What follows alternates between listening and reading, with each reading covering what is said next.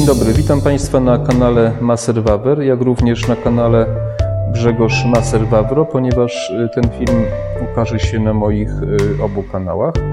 Y, Dzisiaj jesteśmy gośćmi Pawła Werońskiego w jego sklepie, studio Profidea. Y, Paweł jest y, kolarzem, byłym kolarzem y, wyczynowym. Jest teraz od dwudziestu kilku lat zajmuje się profesjonalnie szeroko pojętym fittingiem, suplementacją w sporcie i może sam opowiesz najlepiej precyzyjnie mm, o czym, o czym się zajmujesz właśnie dokładnie w swoim. Dzień dobry. Generalnie rowerami zajmuję się od roku 82. Natomiast e, jako, jako młody, młody chłopak, 11-latek, 11-latek trafiłem do podwalin sekcji kolarskiej. Tam się zaczęła moja przygoda e, z, z kolarstwem. Natomiast e, w branży rowerowej pracuję od roku 95. Nieprzerwanie do dzisiaj. Zajmowałem się na przestrzeni tych lat różnymi rzeczami związanymi z rowerami, natomiast od kilku lat staram się zdobywać taką bardzo specjalistyczną wiedzę i przekazywać ją dalej, czyli zajmuję się bike fittingiem, zajmuję się suplementacją, jestem członkiem Akademii Trenerskiej Instytutu Sportu w Warszawie, współpracuję z AWF-em krakowskim, pasjonuję się fizjologią e, wysiłku, e, ale też pasjonuję się bardzo rowerami, e, nowinkami,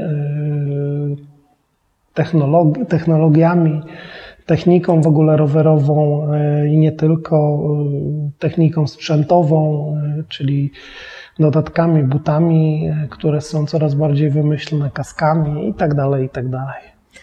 Y, A opowiesz, jak, y, co spowodowało, że, że postanowiłeś y, zająć się na poważnie, y, kolarstwem na poważnie właśnie, nie? czyli zacząć trenować jako zawodnik po prostu. Kolarstwem zainteresowała mnie moja mama. Pamiętam jako małe dziecko yy, takie sytuacje, gdzie wszelakie wyścigi, które przejeżdżały, czy imprezy yy, kolarskie, które były organizowane, przejeżdżały przez miasto, w którym mieszkałem, bądź przez okoliczne miasta, yy, zawsze z mamą staraliśmy się na takie imprezy, czy wy- wybieraliśmy się na takie imprezy i obserwowaliśmy, kibicowaliśmy kolarzom. Yy, Bardzo nam się podobały wyścigi, rywalizacja i tak dalej, i tak dalej. I mama potem oczywiście transmisję wyścigu pokoju, czy transmisję yy, Igrzysk Olimpijskich, yy, czy Mistrzostw Świata, które w telewizji polskiej na ekranie yy, telewizorów można było obejrzeć każdą z tych imprez, a wyścig pokoju w szczególności rodzinnie oglądaliśmy, kibicowaliśmy wspaniałym kolarzom, których pamiętam bardzo dobrze. Pan świętej pamięci Ryszarda Szurkowskiego bardzo dobrze pamiętam z czasów, kiedy, kiedy, kiedy jeździł, kiedy startował, brał udział w wyścigu pokoju świętej pamięci Szozda oraz wielu innych znakomitych polskich kolarzy. Piasecki którzy- później, prawda, w latach 80. Lech Piasecki, no to, Tak. to no jego triumf to był 85 rok. Zresztą Mhm. też w tym roku zdobył Mistrzostwo Świata w kolarstwie szosowym. Podpisał kontrakt jako drugi zawodnik w historii.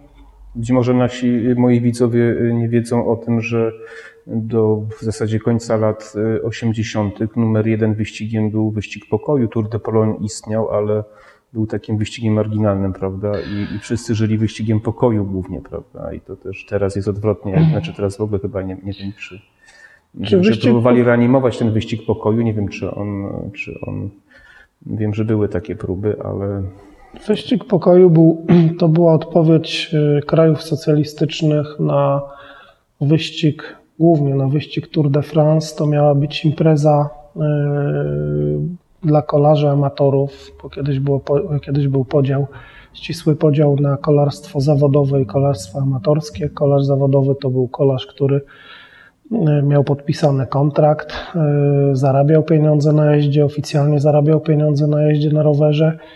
Y, Startował w takich imprezach jak mm, wyścig Tour de France, Giro d'Italia, Vuelta Espania oraz cała, całą, y, w całej masie innych wyścigów tego typu. Natomiast kolarza nie mógł, kolarz zawodowy nie mógł startować, nie mógł brać udziału w y, Igrzyskach Olimpijskich. no i oczywiście w Mistrzostwach Świata dla amatorów w kolarstwie. Natomiast amator nie mógł startować w imprezach, w których brali udział kolarze zawodowi. Uważasz, Natomiast... że to był dobry taki podział? Niekoniecznie był to dobry podział, ale był to wtedy jedyny jakby możliwy y, do, do zrealizowania, dlatego że mm, no, kraje bloku, bloku wschodniego y, nie puszczały swoich zawodników, y, nie dawały możliwości podpisania kontraktu zawodowego i no, były takie przypadki w historii kolarstwa, że na przykład na wyścigu Paryżnica startował Ryszard Czurkowski w koszulce y, Mistrza Świata i Eddie Merckx y, w koszulce Mistrza Świata. Tam się ścierali. No niestety prawda była brutalna, chociaż bardzo dobrze jechali. Nasza reprezentacja jechała bardzo dobrze, na bardzo wysokim poziomie i, i przez y, znaczną część wyścigu absolutnie, no, można powiedzieć, na samym topie, w samym czubie.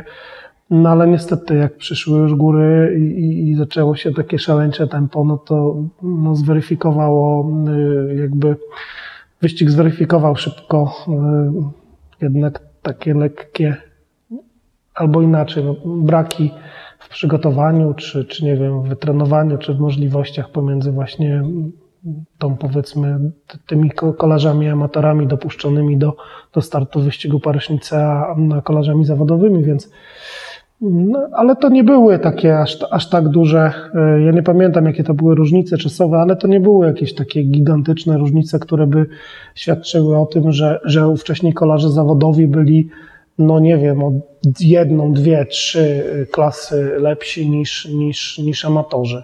Nie jestem pewien, bo, y, bo niektórzy przeszli płynnie, prawda, po upadku żelaznej kurtyny, ale chyba Jan Urlich chyba startował jeszcze jako w NRD, nie? Potem Jan chyba... Ulrich startował, tak, ja miałem okazję gdzieś spotykać się na różnych imprezach z Janem Ulrichem, natomiast on rzeczywiście zaczął przygodę w latach 80. z kolarstwem, podobnie jak ja i, i, i jeszcze w czasach, kiedy, kiedy to kolarstwo było podzielone. Natomiast potem rzeczywiście e, po, po, po tym, jak się połączyło NRD z, z RFN-em, powstały Niemcy jako jedno państwo. No, gros tych, e, tych zawodników topowych, czyli Olaf Ludwik, e, Uwe Ampler. Uwe, Uwe Rapp, tak? tak? Rapp też był, tak, ale Rapp tak. był starszy nieco i tak. on chyba nie, nie podpisał żadnego takiego znaczącego kontraktu z żadną grupą zawodową, natomiast oni, oni, oni tak jeździli w różnych grupach dla różnych grup sukcesami. Tak. A tak. tak jeszcze zanim przejdę do kolejnego wątku, ty, kiedy Urlik z Armstrongiem jeździli, to byłeś bardziej za kim na tych słynnych Czy ja generalnie, nie, ja generalnie nie byłem ani za jednym, ani za drugim. Armstronga powiem, powiem wprost, nie cierpiałem od, od samego początku, od momentu, kiedy wygrał Mistrzostwa Świata w, w Oslo i to już wtedy dla mnie był takim mocno podejrzanym indywiduum. I niespecjalnie mi się już wtedy spodobał, chociaż wszyscy piali z zachwytu, że taki młody, że Amerykanin, że, że, że nawiązał do, do sukcesów Grega LeMonda i tak dalej, i tak dalej, ale ja jako powiedzmy taki wnikliwy obserwator y, kolarstwa no mnie się nie podobał. Od razu, od razu był to dla mnie, ten, ten sukces był mocno podejrzany i przez yy, całą, yy, wszystkie lata trwania kariery Armstronga bardzo głośno, przynajmniej wobec swoje niezadowolenie wypowiadałem i, i krytyczne zdanie, uwagi pod adresem tego, tego, tego człowieka no wtedy wszyscy, cały świat był zakochany, bo to nowotwór, walka i tak no dalej, i tak dalej. Ja, nie, mnie to nie przekonywało absolutnie. I uważałem, że jest to, jest to, jest to sprawa no, bardzo mocno związana z dopingiem. Natomiast jak zaczęły, y, jak, jak, jak zaczęły wychodzić na jaw y, no, wszystkie mm, sztuki, sztuczki, które on, on stosował i, i to, w co on był zaangażowany, no to, to jeszcze bardziej yy, tego wręcz znienawidziłem, bo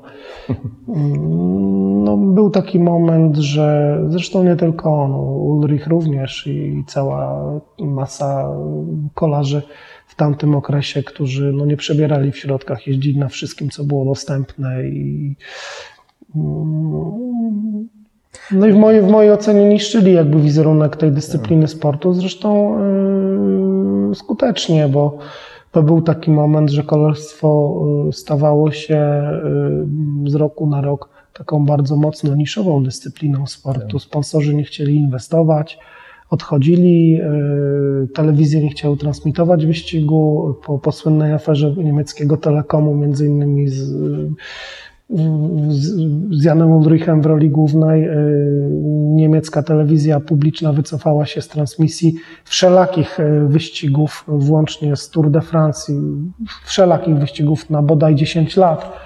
I, i na, na, na ekranach telewizji niemieckich y, przez 10 lat nie było, trans, nie, nie było transmisji żadnego wyścigu kolarskiego, więc y, no, czasy były y, ciekawe, były ciekawe i nieciekawe. Ja muszę przyznać, że ja uległem urokowi Armstronga. Wtedy byłem, oglądałem te wszystkie na żywo w Eurosporcie, te wszystkie wyścigi. Nawet sobie treka kupiłem, rower jeździł, wiadomo, na treku jeszcze w US Postal, potem Discovery, prawda.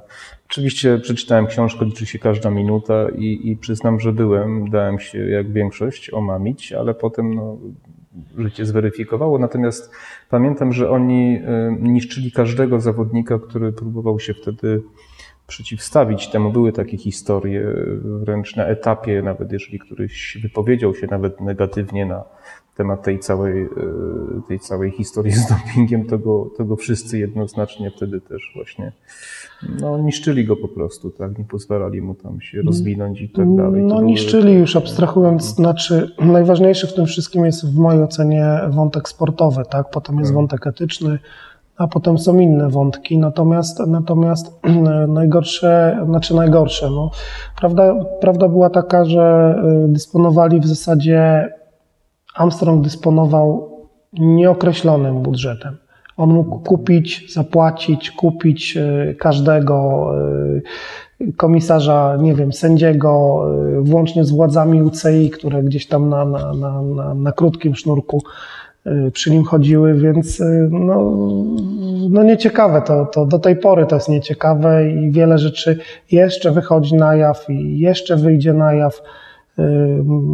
Nie wiem, jak on sobie, y, chociaż patrząc na niego, na, na, jego zachowanie i na samopoczucie, niewiele sobie z tego robi, bo większość z tych byłych, y, jak to się mówi w żargonie, doperów, czyli dopingowiczów, y, gdzieś tam poznikała, pochowała się, no o sporcie nie ma w ogóle mowy, Niektórzy popadli w różne nałogi, e, na przykład Ulrich gdzieś się wyprowadził na Majorkę, coś tam próbował, no, gdzieś na jakąś wyspę, w, każdym razie na, na Balearach tam, tam mieszka i cały czas są jakieś e, w związku z, z, jego tam pobytem afery związane z jakimiś pobiciami, awanturami z sąsiadami i tak dalej, i tak więc no wielu sobie z, z, tych, z tych byłych kolarzy zawodowych niestety nie radzi, nie, radzi nie, nie poradziła sobie i, i, i gdzieś tam mocno przeżywają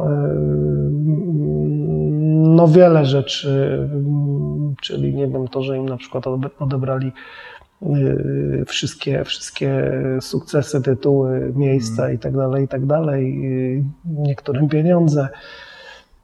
Niektórym po prostu, niektórzy sobie tak zszargali, zszargali nazwiska, że no po prostu wstydzą się, chowają, kryją przed ludźmi i tak dalej, i tak dalej. No myślę, że potrzeba czasu. Oni się muszą zestarzeć, ludzie, zestarzeć, ludzie muszą y, przestać pamiętać ich twarze i może wtedy y, wróci no jakby ich życie troszkę do normy. Natomiast... Ale jest jakaś magia w tym, y, znaczy to nazwać magią, bo ja takie widziałem badania kiedyś robione anonimowo, ale wśród lekkoatletów ile, ile procent byłoby y, gotowych zaryzykować swoje życie, żeby zdobyć medal olimpijski. Chyba ze 20% powiedziało, że byłoby gotowe. Jest, więc jest coś tutaj, mm, no ten, ten, ta chęć zdobycia tego najwyższego trofeum jest często silniejsza, czyli sława, prawda? Czyli ja myślę, że to, ja myślę, że to, że to jest bardziej związane ze sławą, z, z ilością wywiadów, które się udziela, bywaniem w telewizjach, w, no, nie wiem, na, gdzieś do, do, ci ludzie są zapraszani do różnych audycji radiowych i tak dalej, i tak dalej. Generalnie myślę, że ta sława, myślę, że ten cały, cały mm, ja to nazwie po swojemu blichtr, blichtr, który temu wszystkiemu towarzyszy, jest tak mocny, to jest tak, tak, tak mocne, że ludzie, że gro osób rzeczywiście jest w stanie zaryzykować, nawet no już w tej chwili więzienie, no bo, bo, bo już w skrajnych przypadkach każe się karą pozbawienia wolności tych takich najbardziej zatwardziałych. Zresztą jest teraz kilka afer nawet w kolarstwie, które, które są świeże i które gdzieś tam się rozwijają. Zobaczymy, co z tego wyniknie. Jest, jest ostatnia bardzo gruba afera związana z dopingiem. Wyszło to od biegaczy narciarskich na chyba jakichś mistrzostwach świata, czy to na którychś igrzyskach olimpijskich ostatnich. Okazało się, że, że jak przeszukali klinikę czy gabinet lekarza, który był w to zamieszany, pojawiły się nazwiska kolarzy. No i ci kolarze płacząc próbują jakoś się tam zbielać, no ale z tego co wiem jest, jest to kilku czy kilkunastu kolarzy austriackich, niemieckich. Gdzieś tam Hiszpanii się też pojawiają w tle, więc, więc no, no zobaczymy. zobaczymy. Będzie ciągła walka. A powiedz mi, jak, kiedy trafiłeś, bo ty jeździłeś w Holandii, tak, za granicą? Ja, ja jeździłem w Polsce, jeździłem, jeździłem za granicą, tak, tak. Znaczy rozumiem, że zostałeś zauważony i ktoś nie, cię tam... Nie, to nie? zupełnie, zupełnie nie. inaczej to wyglądało. To bardziej moje starania spowodowały to, że ja tam gdzieś wyjechałem i i poprzez jakiś tam swój kontakt zaczepiłem się do, że tak powiem, do jednej grupy. I... Zawodowo jeździłeś, tak? No tak, tak. I tak. jak długo to trwało? Trzy lata. Trzy lata. To już lata 80. były? Czy już... Nie, 90. Już 90. To były lata 90. Startowałeś w jakimś takim znaczącym turze? Czy nie, nie. Żadne, klasyki raczej? Nie, nie, nie. Raczej, raczej wyścigi jednodniowe, klasyczne, bądź takie krótkie wyścigi etapowe, typu 5-6 etapów. Mhm. Moja, zresztą ja byłem, jak, jak wyjechałem, byłem bardzo młodym człowiekiem, więc też jeszcze wtedy kolarstwo było podzielone na amatorskie, zawodowe. Polski Związek Kolarski nie chciał wydać mi licencji y, zawodowej z różnych przyczyn. Y, ja się starałem o nią przez, przez dość długi okres czasu.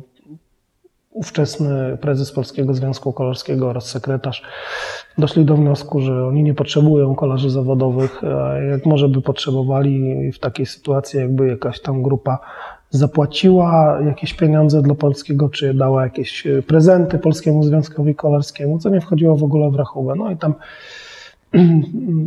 gdzieś tam jakimiś tam swoimi możliwościami zorganizowałem sobie licencję i, i, jeszcze, no, i, no i próbowałem swoich sił i myślę, że może, może by to lepiej, czy dużo lepiej wyglądało, gdyby nie właśnie początek afer związanych z dopingiem.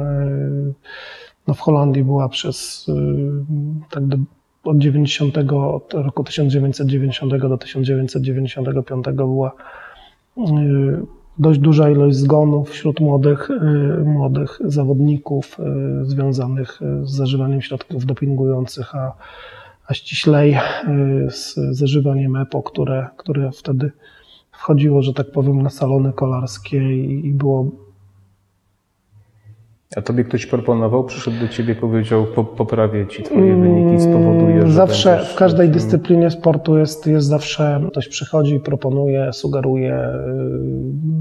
Yy, słyszałem, że o takich przypadkach, że wręcz yy, no, zawodnicy musieli poddawać się yy, procesowi jakby przyjmowania środków Natomiast, natomiast no, prawda jest też taka, że mm, nie wiem, jak to wygląda w, w obecnej dobie, w tej chwili, ale kiedyś, kiedyś te prawdziwe środki dopingujące były bardzo y, drogie i mm, pozwolić sobie mogli naprawdę na nie albo kolarze z samego topu, ci najlepiej zarabiający, albo jeżdżący w najlepszych drużynach, albo ta, takie osoby, które no, krótko i na temat miały bardzo zamożnych rodziców, y, którzy mogli sfinansować y, takie kuracje. Mm, ja słyszałem, że w 90 latach, właśnie na początku lat 90 taka kuracja EPO kosztowała tyle, co jakiejś wysokiej klasy Mercedes, więc naprawdę było no bardzo, bardzo y, drogie i nie każdy, a w zasadzie niewielu sobie y, mogło na to pozwolić. Pomimo tego w tych krajach takich bardziej zaawansowanych, właśnie jak Holandia, Belgia, Francja, y, no, ci zawodnicy z tych bardziej zamożnych domów albo, albo kolarze zawodowi, których było na to stać, sięgali po to. No i z tego to, było, to były substancje nieprzebadane i w związku z tym mm, no, tych zgonów było naprawdę sporo. Mm, poszczególne federacje kolarskie, komisje antydopingowe zaczęły się nad tym zastanawiać. Holendrzy wprowadzili coś na kształt, jako chyba pierwszy kraj, coś na kształt e, paszportu biologicznego. E, było dużo kontroli na, na wyścigach i nie tylko na wyścigach, bo kontrolerzy też przyjeżdżali do zawodników do domów. Więc jakby no, było gorąco i, no i wtedy już trzeba było żeby dalej jeździć, trzeba było mieć e, konkretne papiery, e, czyli licencję, trzeba było być objętym e, ścisłą kontrolą lekarską i tak dalej, i tak. Co, co nie było takie proste. No i też jakby to też spowodowało, że no jak gdzieś tam wróciłem do Polski i zacząłem się zastanawiać, czy w ogóle sens być tam, próbować dalej. A powiedz, bo powiedzmy, że jest młody człowiek, jest pasjonatem, ma warunki, ma wydolność, no i myśli o zostaniu kolarzem zawodowym i ty, mając to doświadczenie, które masz swoje, co byś mu powiedział, że warto, czy lepiej, żeby się w to nie pakował? Oczywiście, że warto. Jeżeli się, jeżeli się komuś, e, ktoś się realizuje w sporcie, komuś e, w jakiś sposób e, szczególny podoba się dyscyplina czy konkurencja, ma do tego też warunki fizyczne odpowiednie, to, to jak najbardziej tak. Biorąc pod uwagę to, że kolarstwo, znaczy w ogóle sport zawodowy wygląda w tej chwili zupełnie inaczej niż nawet jeszcze, nie wiem, 10 lat temu czy 15. Y, ci zawodni, no, sportowcy są bardziej zaopiekowani, jest, jest znacznie większa wiedza i medyczna, i, i, i trenerska, i, i, diagnostyczna. Y, zawodnicy nie są poddawani tak y, ekstremalnemu wysiłkowi, jak to było powiedzmy w latach 80. czy 90., gdzie powiedzmy w sezonie przejeżdżało się tam, nie wiem, 35-40 tysięcy kilometrów na rowerze, a w tej chwili kolarz zawodowy przejeżdża powiedzmy około 25, tak, taki stopu, czy 28 tysięcy, więc powiedzmy 10-12 tysięcy mniej niż kiedyś, więc automatycznie ma więcej czasu na odpoczynek, organizm, na regenerację mm, i tak dalej, i tak dalej. No sport się zmienia, tak jak, jak wszystko dookoła nas y, i, jak najbardziej. No. Myślałem w kontekście tego właśnie, y, tego dopingu i tego, czy da się dzisiaj y, będąc na szczycie, czy da się w ogóle no, uniknąć e, jakby no, pokusy, zetknięcia się, czy, czy da się wynik osiągnąć naprawdę najwyższy bez sięgania do tych środków, bo jak pewnie większość z widzów sobie zdaje sprawę, to jest wyścig laboratoria między i instytucjami antydopingowymi, prawda, testami, że jest to nieustawiczna wojna i, i tak naprawdę chyba do końca z tym problemem sobie nigdy nie poradzimy, podejrzewam, prawda? No zawsze będzie ta pokusa sięgnięcia po coś, żeby być lepszym niż inni, natomiast, tak jak rozmawialiśmy wcześniej, natomiast mm, e, czy jest, czy, czy powiedzmy sport na tym najwyższym poziomie e, jest taki zupełnie czysty? Nie wiem. W mojej ocenie nie do końca. E, jeżeli nie są to, jeżeli zawodnicy nie stosują stricte środków dopingujących z listy A, B czy C, to gdzieś e, próbują e, stosować środki takie, które jeszcze nie są, jeszcze nie są zabronione, ale mówi się e, różnie o nich. mm, była taka gorąca, no może nie afera, ale była taka, była taka sytuacja, że w jednej z grup zawodowych, u jednej z grup, w, u jednej z grup zawodowych pojawiły się Mm, pojawił się środek, mm, e, który został zaprojektowany dla, dla wojska, dla żołnierzy, e, zwiększający wydolność e, i dla osób chorych po, po zabiegach, jakichś ciężkich operacjach itd., tak itd. Tak no i ten środek nie jest zabroniony. Jego można normalnie kupić. Nawet z tego, co się orientuję, to można kupić normalnie w aptece bez żadnej recepty. Natomiast jest mocno kontrowersyjny, jest nie do końca, jest nie do końca zbadany. No i teraz y, pozostaje pytanie, czy y, osoby, zawodnicy, którzy zażywają taki środek, stosują doping, czy też nie. No Więc y, tak jak mówię, no. Nie wiem, nie wiem.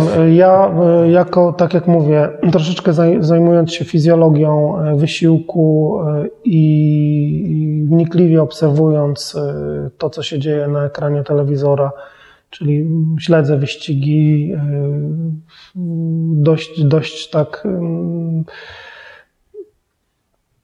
no śledzę te wyścigi, oglądam je, wczuwam się, yy, myślę bardzo dużo o, o tym, jak ci zawodnicy jadą i czasami patrzę na takie niespodziewane eksplozje yy, talentów yy, i sam się zastanawiam nad tym, sam sobie zadaję gdzieś tam w głębi duszy pytanie, czy, czy to jest możliwe. No właśnie.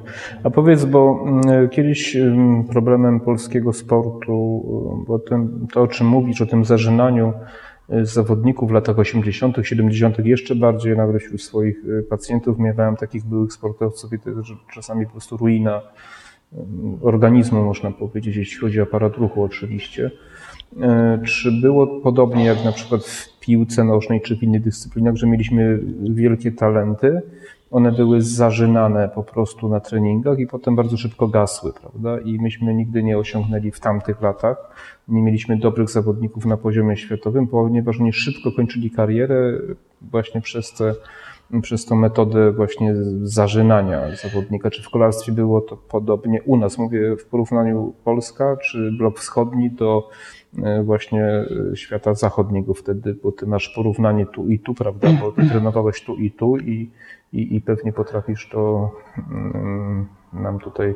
Czy generalnie y, zażynanie, no, są organizmy, które się nadają, a są organizmy, które się nie nadają. I czasami jest tak, że powiedzmy przy y, jakiejś tam dawce treningu, jakiegoś tam określonego treningu, ten organizm świetnie sobie y, radzi, świetnie, świetnie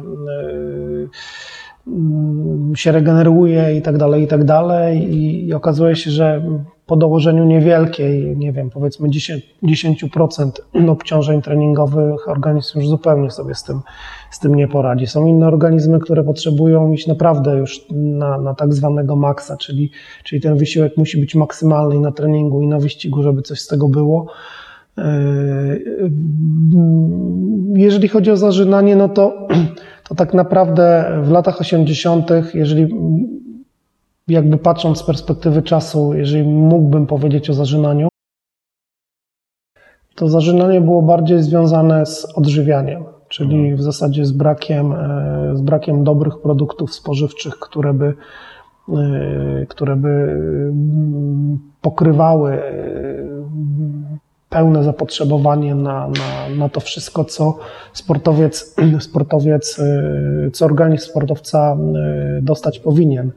Y, nie było dostępu do dobrych witamin, do dobrych suple, do suplementów w ogóle. Ja Takie wiem, że biegacze właśnie na przykład mleko w proszku używali. Wszystko to, co można tak, było kupić, to, co można sobie, było tak, gdzieś no. dostać, załatwić, czy nie wiem, jak ktoś był lepiej sytuowany, kupić w Peweksie, choćby głupio, głupio to zabrzmi, ale nawet nie wiem, jakąś buteleczkę Coca-Coli, czy puszkę jakiejś Coca-Coli, czy Pepsi-Coli, to to wszystko było, my to traktowaliśmy jako taki, no nazwijmy to, jako taki no, soft doping, tak? No tak. Że mieliśmy coś ciut więcej niż, niż mieli inni i no i to jakby to też, też budowało, też budowało yy, jakby to takie poczucie, że o kurczę, yy, mamy, mamy coś, coś innego, coś lepszego, nie jak kolega bułkę z dżemem, tylko, tylko nie wiem, powiedzmy naleśnika z, z czymś tam, Ale tak, ze z bananem. było podobnie, prawda? Dorwać się No, do dobrego sprzęt, sprzętu. Sprzęt to jeszcze, to, to w ogóle jest inny, inny temat i myślę, że tu byśmy do, do rana dyskutowali na temat. Kiedy Shimano się pojawiło na dobre w Polsce w latach 90., no to był... W 80 latach też było Shimano, e, już, już tam jakieś, ja pamiętam, jakieś pierwsze komponenty w, rowerze moi, w rowerach moich e, Shimano e, miałem zainstalowane, nie wiem, jakieś hamulce, klamki hamulcowe. To, to, to nie, no nie, było to, nie było takiej sytuacji, żeby tego zupełnie nie było, natomiast y, rzeczywiście y, no, trzeba było to załatwiać, zamawiać, czekać na to miesiącami. Y, No, to było też piekielnie drogie. Naprawdę, no, siodełko, pamiętam jak dzisiaj, pierwsze moje siodełko z prawdziwego zdarzenia to był Concor Sele San Marco, takiej włoskiej firmy model, model e, siodełka takiej włoskiej firmy San Marco i ten Concorde kosztował 80 dolarów. E, 80 dolarów w 80 tam nie wiem, 6 pensje. roku to było 8 pensji nauczy- 10 pensji nauczyciela, 8, tak, tak. 8 dolarów zarabiał nauczyciel, więc to były takie, to były takie, no, do kwoty były tego sprzętu stopu naprawdę, no, bardzo, bardzo y, wysokie.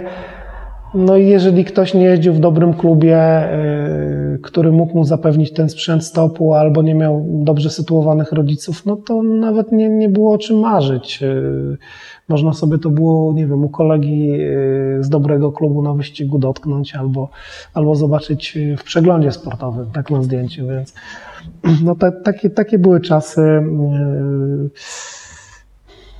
Tak, trochę Czesi, prawda, oni chyba zawsze byli y, trochę wyżej, y, prawda, technologicznie, jeśli chodzi o rowery, nie? Oni, y, wiem, że, wiem, że można było czeskie rowery wyścigowe, kolor, ko, takie... Znaczy, ja generalnie był faworit, tak, był, była, to, była to marka, która, która była, no Czesi reprezent, w ogóle Czesi się ścigali na tych faworitach, jeździli, reprezentacja Czech również yy, na tych, na tych rowerach jeździła, znaczy Czechosłowacji wtedy, natomiast Natomiast yy, Czesi mieli dobre przerzutki, manetki, też właśnie rzeczonej yy, firmy Favorit. Yy, Dobre mieli szytki, to Barum produkował, czyli, czyli opony.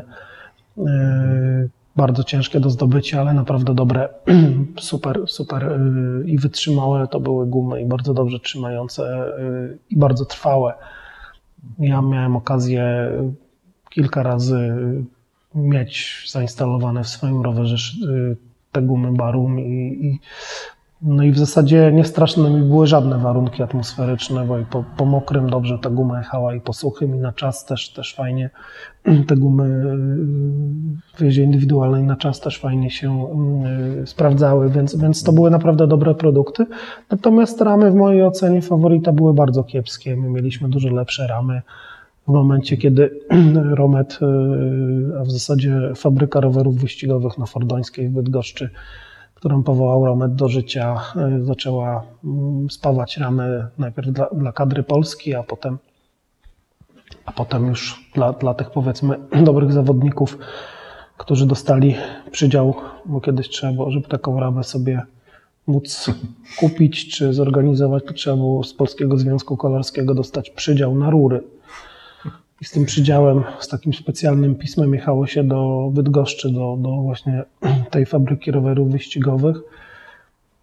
Szumnie brzmiąca to była nazwa, bo to była taka no, dobudówka drewniana, taka szopa w zasadzie do, dobudówka do, do, do jednego z budynków yy, produkujących, już nie pamiętam, jakieś obręcze, jakieś komponenty generalnie yy, rowerowe, rometowskie. Yy, No i przyjechałem, dostałem taki przydział na, na, na komplet takich ról i przyjechałem do tej fabryki z prezesem klubu, w którym w owym czasie jeździłem.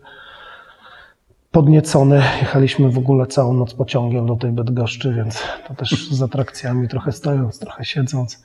No ale to warunki jakby podróży wtedy był, to był standard, natomiast te warunki podróży zupełnie mnie nie zniechęciły do, do, do podjechania, czy to do, do, do, do zamówienia tej wymarzonej ramy, o której śniłem po nocach. I, Historia trochę koło zatoczyła, bo dzisiaj mamy podobną sytuację, że części są bardzo trudno dostępne, niektóre części, prawda? I, i na niektóre rowery trzeba nawet rok czekać, tak? A nieraz i dłużej. No, są, są producenci, które, którzy produkują rowery stricte pod, mm, pod y, jakby preferencje, wymiary y, późniejszego użytkownika y, tego roweru. No rzeczywiście są takie firmy, że im nawet dwa lata ja myślę, mam na myśli sytuację związaną, nie chcę słowa wymieniać, bo YouTube nie lubi, z sytuacją chorobową to nazywam, prawda, z tym kryzysem, prawda, że tutaj jest teraz duży problem z dostępnością, prawda. Teraz, teraz tak, teraz, teraz y,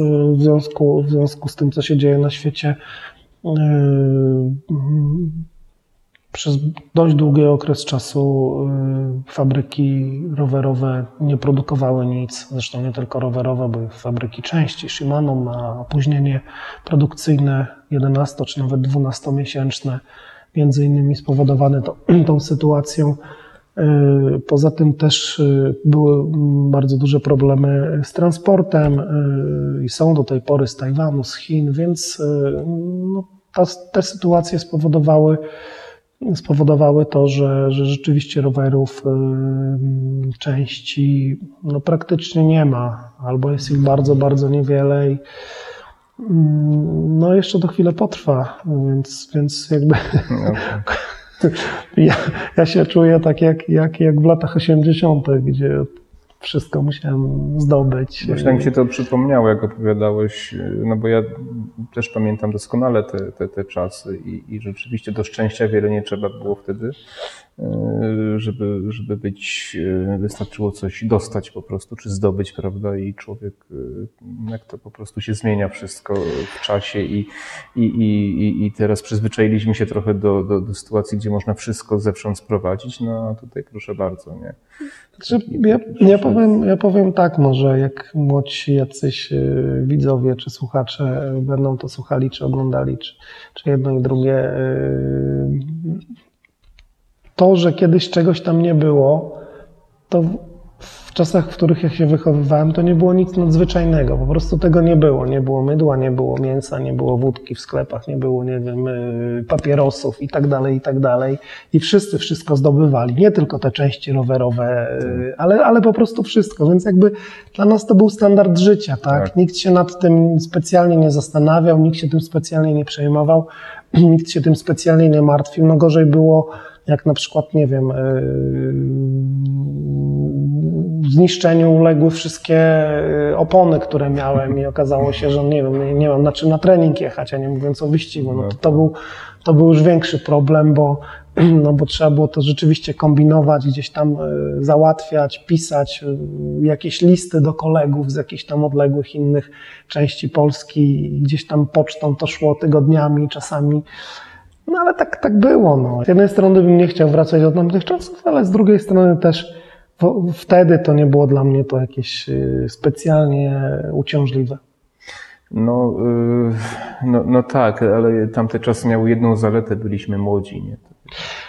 To, to, to, to, powoduje, że zakłamuje nam często świat, ten, ten Świat stał tak, przed nami otworem tak, i wydawało wszystko, nam się, że wszystko, jesteśmy tak. w stanie zrobić wszystko. Ja y, tutaj y, miałem całą listę tematów, które, które, które chciałem poruszyć z Tobą, ale jesteś y, bardzo dobrym rozmówcą, więc, więc nawet zaledwie jeden, można powiedzieć, czy może półtorej poruszyliśmy. Chciałem jeszcze tylko Myślę, że jeśli się zgodzi rzeczywiście y, na następne, na następne odcinki, bo o tym fittingu chciałem dzisiaj porozmawiać, ja tylko chciałbym ten temat zaznaczyć, a być może zrobimy inny odcinek o fittingu, prawda? To znaczy, bo ja jak w 2009 roku kończyłem swoją przygodę z rowerami, przynajmniej tymi y, typu single, bo jak, jak wiesz, ja teraz tandem składam, ale Wtedy jeszcze o bikefittingu w ogóle się nie mówiło. Znaczy ja w ogóle miałem kontakt z wieloma kolarzami i nikt nie mówił o bikefittingu, to więc to musiało chyba w Polsce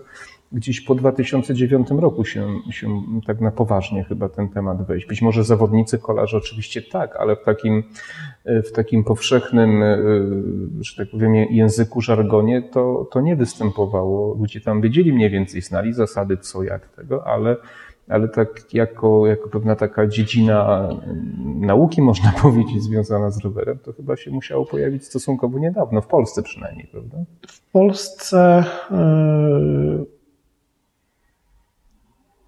tak mniej więcej około 14 lat temu gdzieś jakieś pierwsze wzmianki pojawiły się, yy, że jest coś takiego jak bike fitting, czyli takie bardziej naukowe ustawienie roweru w oparciu o jakąś tam wiedzę. E, natomiast 12 e, lat temu e, firma, z którą współpracuję,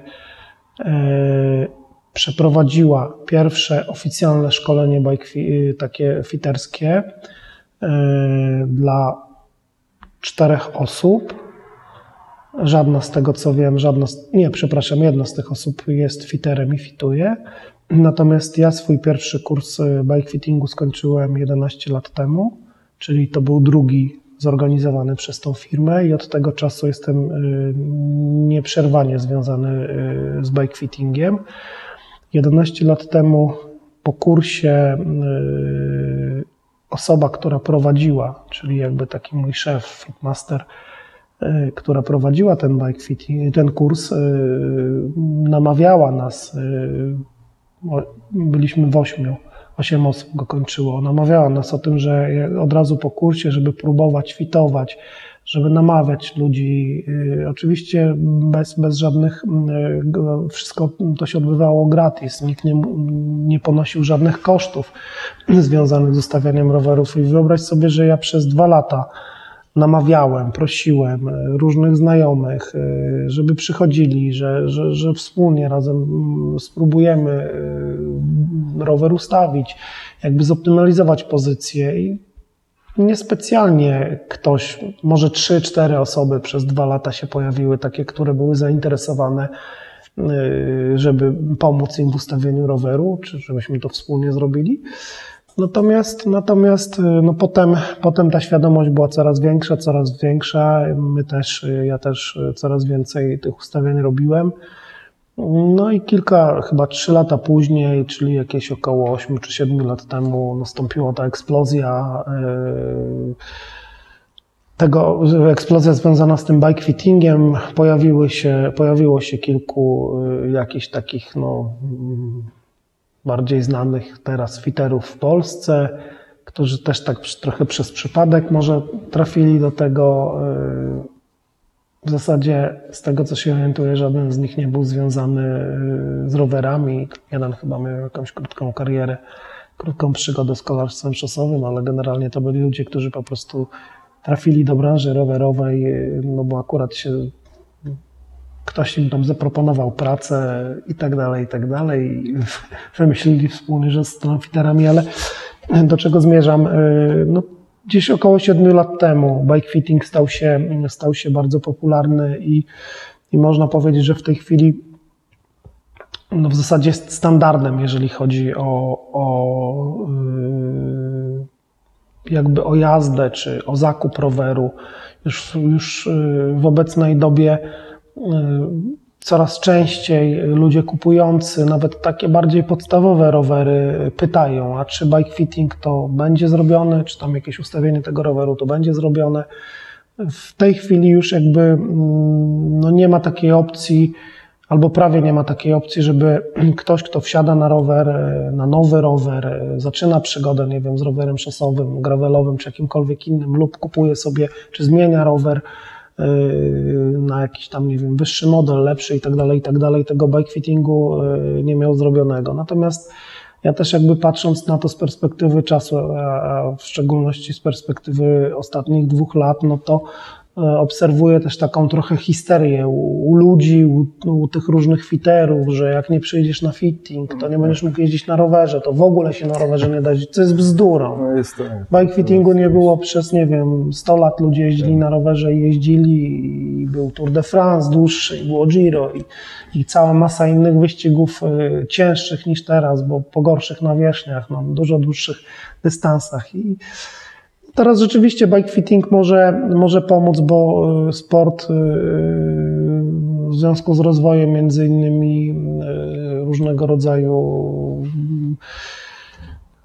tych portali społecznościowych sport się stał też taki trochę, trochę histeryczny. Kiedyś, kiedyś sport był za, jakby zarezerwowany rzeczywiście dla sportowców albo dla ludzi, którzy no, przez lata byli związani, nie wiem, grali w tenisa, czy pływali, czy jeździli na rowerze, y, byli pasjonatami.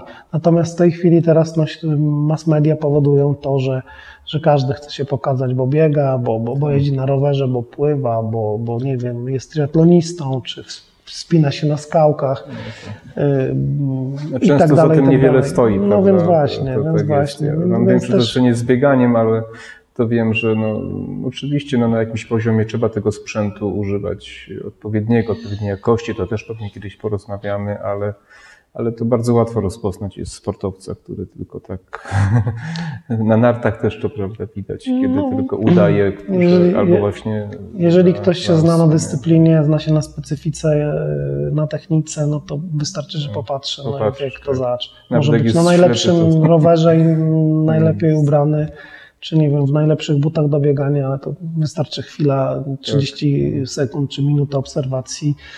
No i wiadomo, że, że jest to osoba, która ze sportem w życiu nie miała nigdy nic wspólnego i w związku z tym, że stało się coś tam modne, no to no to próbuję i ja, tak.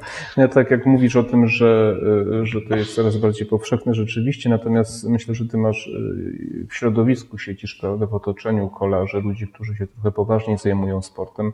Moje doświadczenia mówią mi, że jeszcze dość często jest sytuacja, dość częstą jest sytuacja, w której ktoś idzie do sklepu i Oczywiście to nie są dobre sklepy, ale są takie, gdzie sprzedawca po prostu chce sprzedać rower i nawet y, nie pyta o wzrost, nie, nie, nie rozmawia o rozmiarze ramy. Y, no, moi pacjenci często mi mówią tak. No w większości przypadków niestety, niestety tak to wygląda, natomiast też, też y, jak, jak to się kończy i czym skutkuje to takie rzucanie się, powiem nieładnie, na na aktywność, no sam doskonale wiesz, bo, tak. bo jesteś masażystą, na co dzień masz e, w gabinecie e, takie osoby, wiesz z jakimi problemami przychodzą. E, dobrze jak da się te problemy wyleczyć, a, ale no są tacy, takie osoby i znam i to, jest, i, i to nie jest jedna, dwie, pięć czy dziesięć, tylko jest, ich, ich jest naprawdę dużo,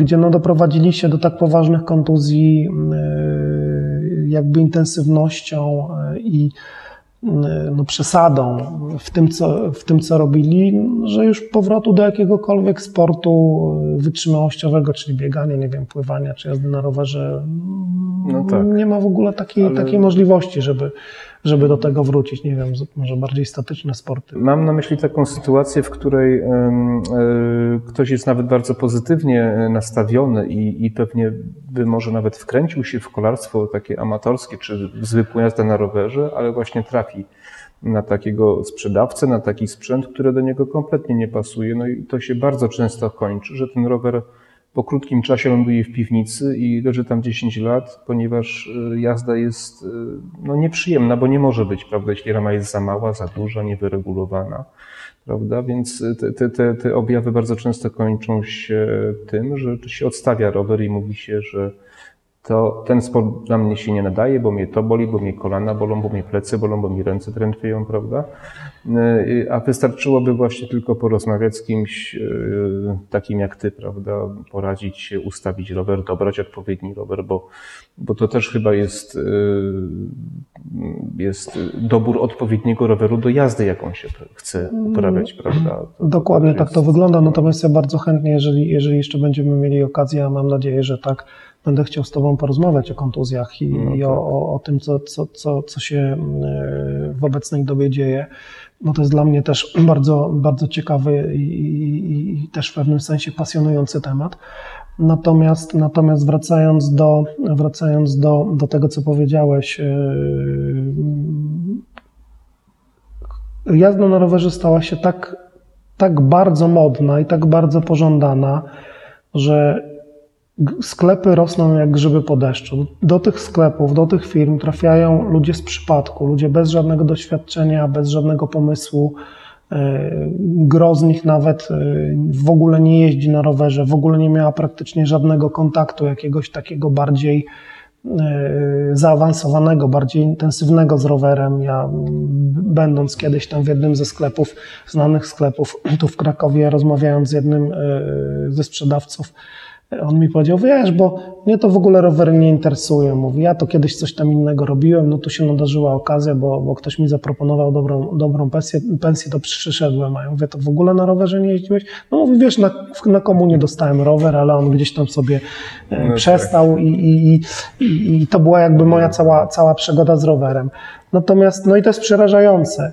Jak ja zaczynałem e, pracę w 95 roku w branży, to w Krakowie było, było no kilkanaście sklepów, natomiast kilka sklepów było specjalistycznych.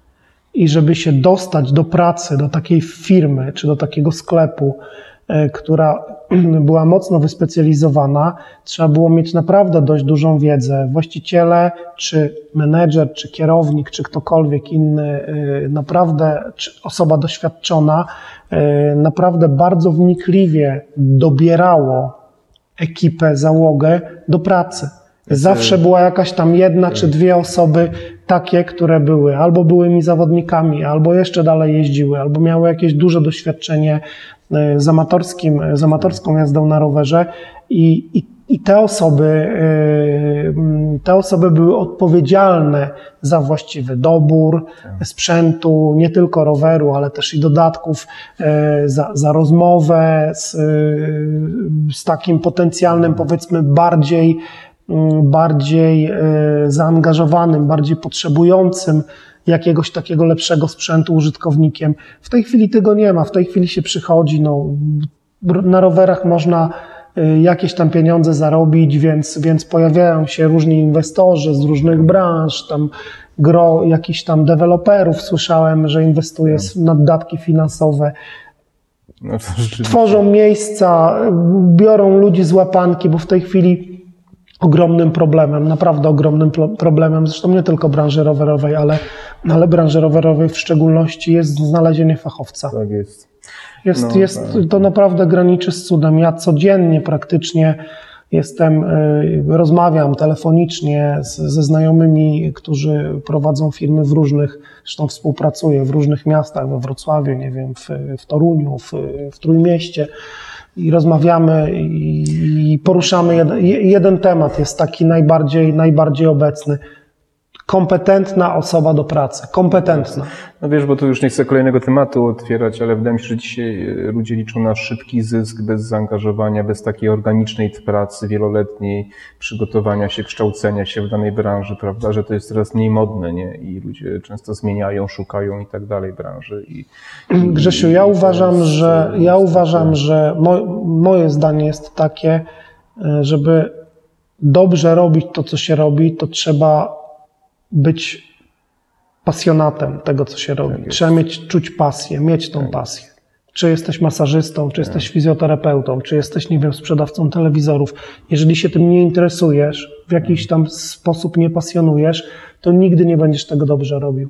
Ja przychodzę do pracy z uśmiechem na ustach, wstaję i cieszę się, że zaczynam nowy dzień. Tak jest. Człowiek nieraz jest zmęczony, ale cieszy się. Tak, prawda? Jest tak, zmęczony, że umęczony, ale jest Wiem, że zadowolony. każdy prawda? dzień Tak, to jest, to jest nowa historia, to jest nowy rozdział, to jest mm, mm, bardzo często nowa osoba, którą poznaję, osoba, która przychodzi, nie wiem, jedni z problemem, inni przychodzą, nie wiem, y, zadowoleni, bo coś im się tam udało fajnego zorganizować, kupić, y, nie wiem, czy rower, czy buty, czy kask, cokolwiek, To tak? jest często relacja na lata, prawda? Ale oczywiście, że tak, oczywiście, że tak. No ja, jestem, ja jestem szczęśliwy móc, dlatego, dlatego jestem w branży, pracuję w branży rowerowej, bo mnie to sprawia naprawdę e, masę, e, mas, masę takiej no, przyjemności, satysfakcji. Zresztą jak trafiłem do Ciebie na stół e, z, ze swoimi problemami, mm, które po latach gdzieś tam mm, znowuż tego sportu wyszły, no to, bo to samo odczułem. Ja, ty byłeś pierwszą, pierwszą osobą, która podeszła do mnie z sercem. O, bardzo Ci dziękuję.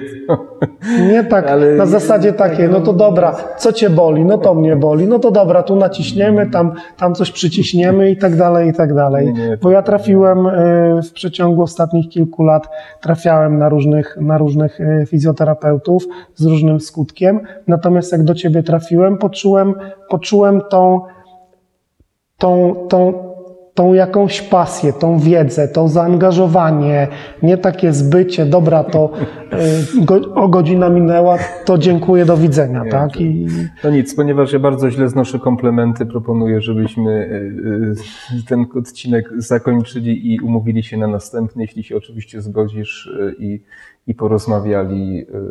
y, będzie mi miło, może, tematach. może byśmy spróbowali to wszystko potem w późniejszym czasie uporządkować Tak. i może jakieś Zaplanować sobie Zaplanować, na y, konkretne tematy, tak, tak, tak, tak, które- bo dzisiaj tak y, moglibyśmy pewnie jeszcze długo rozmawiać, ale, no, ale nam się dobrze rozmawia, znamy się stosunkowo krótko, ale dobrze nam się rozmawia, więc dzisiaj taki może trochę chaotyczny, ale myślę, że trochę i sentymentalny i trochę też wiedzy przekazaliśmy, prawda? Y, I, I mam nadzieję, że, że widzowie będą zainteresowani. Odcinek będzie również w formie podcastów na Spotify, Apple Podcast i innych tych stitcherach, także za, jak ktoś nie ma czasu na oglądanie, to zapraszam, można sobie mm, posłuchać. Ja Paweł Tobie bardzo dziękuję, jestem Ja bardzo również. zadowolony z tej rozmowy. Y, Życzę Ci wszystkiego dobrego i mam Ja nadzieję do zobaczenia. w tych ciężkich na- czasach zdrowia Tak przede jest, wszystkim tak jest, zdrowia podobno potrzeba, znaczy, tak trzeba sobie życzyć, więc zdrowia i dziękuję bardzo Dziękuję też bardzo. za, Do za to. widzenia. Do zobaczenia. Do widzenia.